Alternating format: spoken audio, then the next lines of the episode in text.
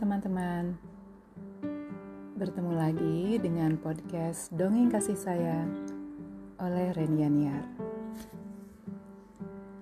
Saya akan membacakan dongeng ketujuh untuk Happiness Project bulan Maret 2021 Judulnya adalah Putri yang Diikuti Rubah. Dongeng ini ada dalam buku kumpulan Dongeng Putri karya saya yang diterbitkan oleh Fantastic MNC Gramedia. Berikut ceritanya. Putri yang diikuti rubah. Bunga Matahari adalah putri seorang prajurit yang gugur di medan perang. Beberapa beberapa waktu lalu, para pelaut dari negeri yang jauh datang dan menyerbu desanya banyak yang gugur dalam pertempuran, termasuk ayah dan ibu bunga matahari. Kepala desa akhirnya mengungsikan warganya dan membuat pemukiman baru di pegunungan. Bunga matahari kemudian tinggal bersama neneknya, seorang tabib yang tinggal di gunung. Setelah perang berlalu, bunga matahari masih ketakutan ia jadi sangat pendiam. Ia sering berdiri di puncak bukit sambil melihat laut, laut sepanjang hari. Orang-orang pun menganggapnya aneh. Namun oleh neneknya, ia diajak ke hutan dan mencari tanaman untuk dibuat obat. Neneknya pun mengajarinya membuat obat. Perlahan-lahan, bunga matahari bisa mencari tanaman dan membuat obat sendiri. Suatu hari, bunga matahari melihat anak rubah. Anak rubah itu terus mengikutinya, seolah-olah ia adalah induknya. Tapi bunga matahari tidak memedulikannya.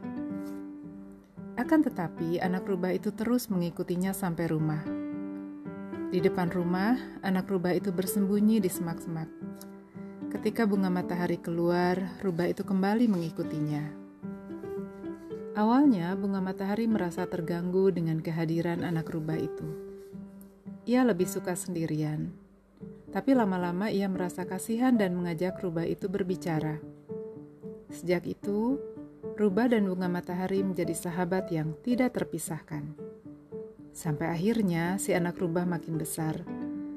Persahabatan yang tidak biasa itu membuat orang-orang menganggap bunga matahari makin aneh, tapi ia tak peduli Suatu hari, saat bunga matahari sedang memetik bunga, ia melihat rombongan orang yang berpakaian indah sambil menunggang kuda. Bunga matahari membawa rubahnya bersembunyi, membiarkan mereka lewat dengan tenang melewati hutan. Saat mereka melewati bunga matahari, ia melihat seorang gadis yang sangat cantik dalam rombongan tersebut. Tiba-tiba terjadi kegaduhan di hutan. Rupanya di tengah jalan ada ular itu membuat kuda-kuda yang ditunggangi ketakutan. Rombongan terpencar-pencar. Ada yang terus masuk ke dalam hutan, ada yang kembali. Putri hilang, putri hilang, seru seorang penunggang kuda panik. Ayo kita cari. Namun, waktu berlalu, putri tak juga ditemukan, hanya kudanya yang kembali. Rubah, kita harus menemukan putri. Sekarang cari dia. Perintah bunga matahari. Rubah mengangguk dan mulai berla berlari ke dalam hutan. Tak lama kemudian, Rubah kembali kepada bunga matahari dan memberikan sebuah gelang yang indah. Kamu menemukannya ya Rubah, kata bunga matahari gembira. Bunga matahari pun mengikuti rubahnya. Mereka pun tiba di tepi sungai, lalu terdengar erangan kesakitan. Beberapa perhiasan tampak berserakan Tak jauh dari sana, mereka melihat seorang gadis yang terbaring. "Putri, kau tidak apa-apa?" tanya bunga matahari. "Tolong aku, aku putri senandung air," katanya pelan. "Tentu, putri," saut bunga matahari. "Rubah itu, kenapa rubah itu selalu ada di sini?" tanya putri ketakutan. Jangan khawatir, dia temanku, saut bunga matahari. Kemudian bunga matahari menanyakan kepada putri senandung air, apakah ada bagian tubuhnya yang sakit. Sepertinya hanya luka dan memar. Aku beruntung. Saat aku terjatuh dari kuda, aku tertahan tanaman-tanaman ini. Tunjuk senandung air. Bagus, kalau begitu aku bantu kau bangun, kata bunga matahari. Ia mengeluarkan obat-obatan yang dibawanya dalam tas. Lalu ia mengobati luka di tangan dan kaki putri. Selama beberapa jam, bunga matahari menemani putri karena putri tak mau ditinggalkan. Sampai terdengar derap kaki kuda. Ada orang, mungkin mereka orang-orang yang mencari putri. Aku akan berteriak, "Hei!" Suara bunga matahari melengking memenuhi hutan. Suara kuda pun menuju ke arah mereka. Putri, seru orang-orang itu.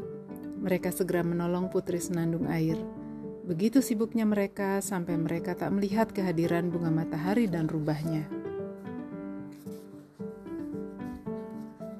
Tak lama kemudian, rombongan kerajaan itu pergi. Tinggallah bunga matahari dan rubahnya sendiri. Ayo rubah, kita pulang, ajak bunga matahari. Mereka pun berjalan pulang beriringan. Ketika matahari hampir terbenam, bunga matahari sampai di rumahnya. Ia begitu lelah sehingga langsung tertidur. Esoknya ia hidup seperti biasa, seolah-olah tak ada hal istimewa yang terjadi. Sampai suatu ketika, hal istimewa datang padanya. Bunga matahari diundang ke istana. Betapa bangga neneknya. Putri senandung air ternyata tidak lupa ia mengucapkan terima kasih atas pertolongan bunga matahari dan rubahnya. Lalu putri berkata, "Aku punya permintaan." "Katakan saja, putri," kata bunga matahari. "Aku tak punya kakak ataupun adik. Maukah engkau menjadi saudaraku?" tanya putri senandung air. Bunga matahari terdiam, tak percaya apa yang didengarnya. Ia tak bisa berkata-kata. Seumur hidupnya, tak seorang pun ingin menjadi temannya, kecuali seekor rubah itu. Tapi kini seorang putri memintanya menjadi saudara. Jadilah saudaraku, jadilah sahabatku, pinta putri senandung air. Bunga matahari tersenyum dan mengangguk. Sejak saat itu, bunga matahari memiliki dua rumah. Rumah neneknya di tepi hutan, dan istana saudara angkatnya, putri senandung air. Sang rubah tetap menjadi sahabatnya yang mengawal ke mana pun ia pergi. Orang-orang menyebut bunga matahari dan rubah sebagai pasangan sahabat yang paling keren. Bunga matahari pun punya nama baru, yaitu putri yang diikuti rubah. Nah, teman-teman, dengan dibaca di, dengan dibacakannya dongeng ini, berakhirlah rangkaian membaca dongeng karya saya dalam Happiness Project bulan Maret 2021. Namun, saya akan tetap mendongeng di sini di YouTube Dongeng Kasih Sayang dan di Instagram @renianyar. Semoga dengan kualitas yang lebih baik tentunya. Terima kasih teman-teman sudah mendengarkan dongeng-dongeng saya. Sampai ketemu lagi.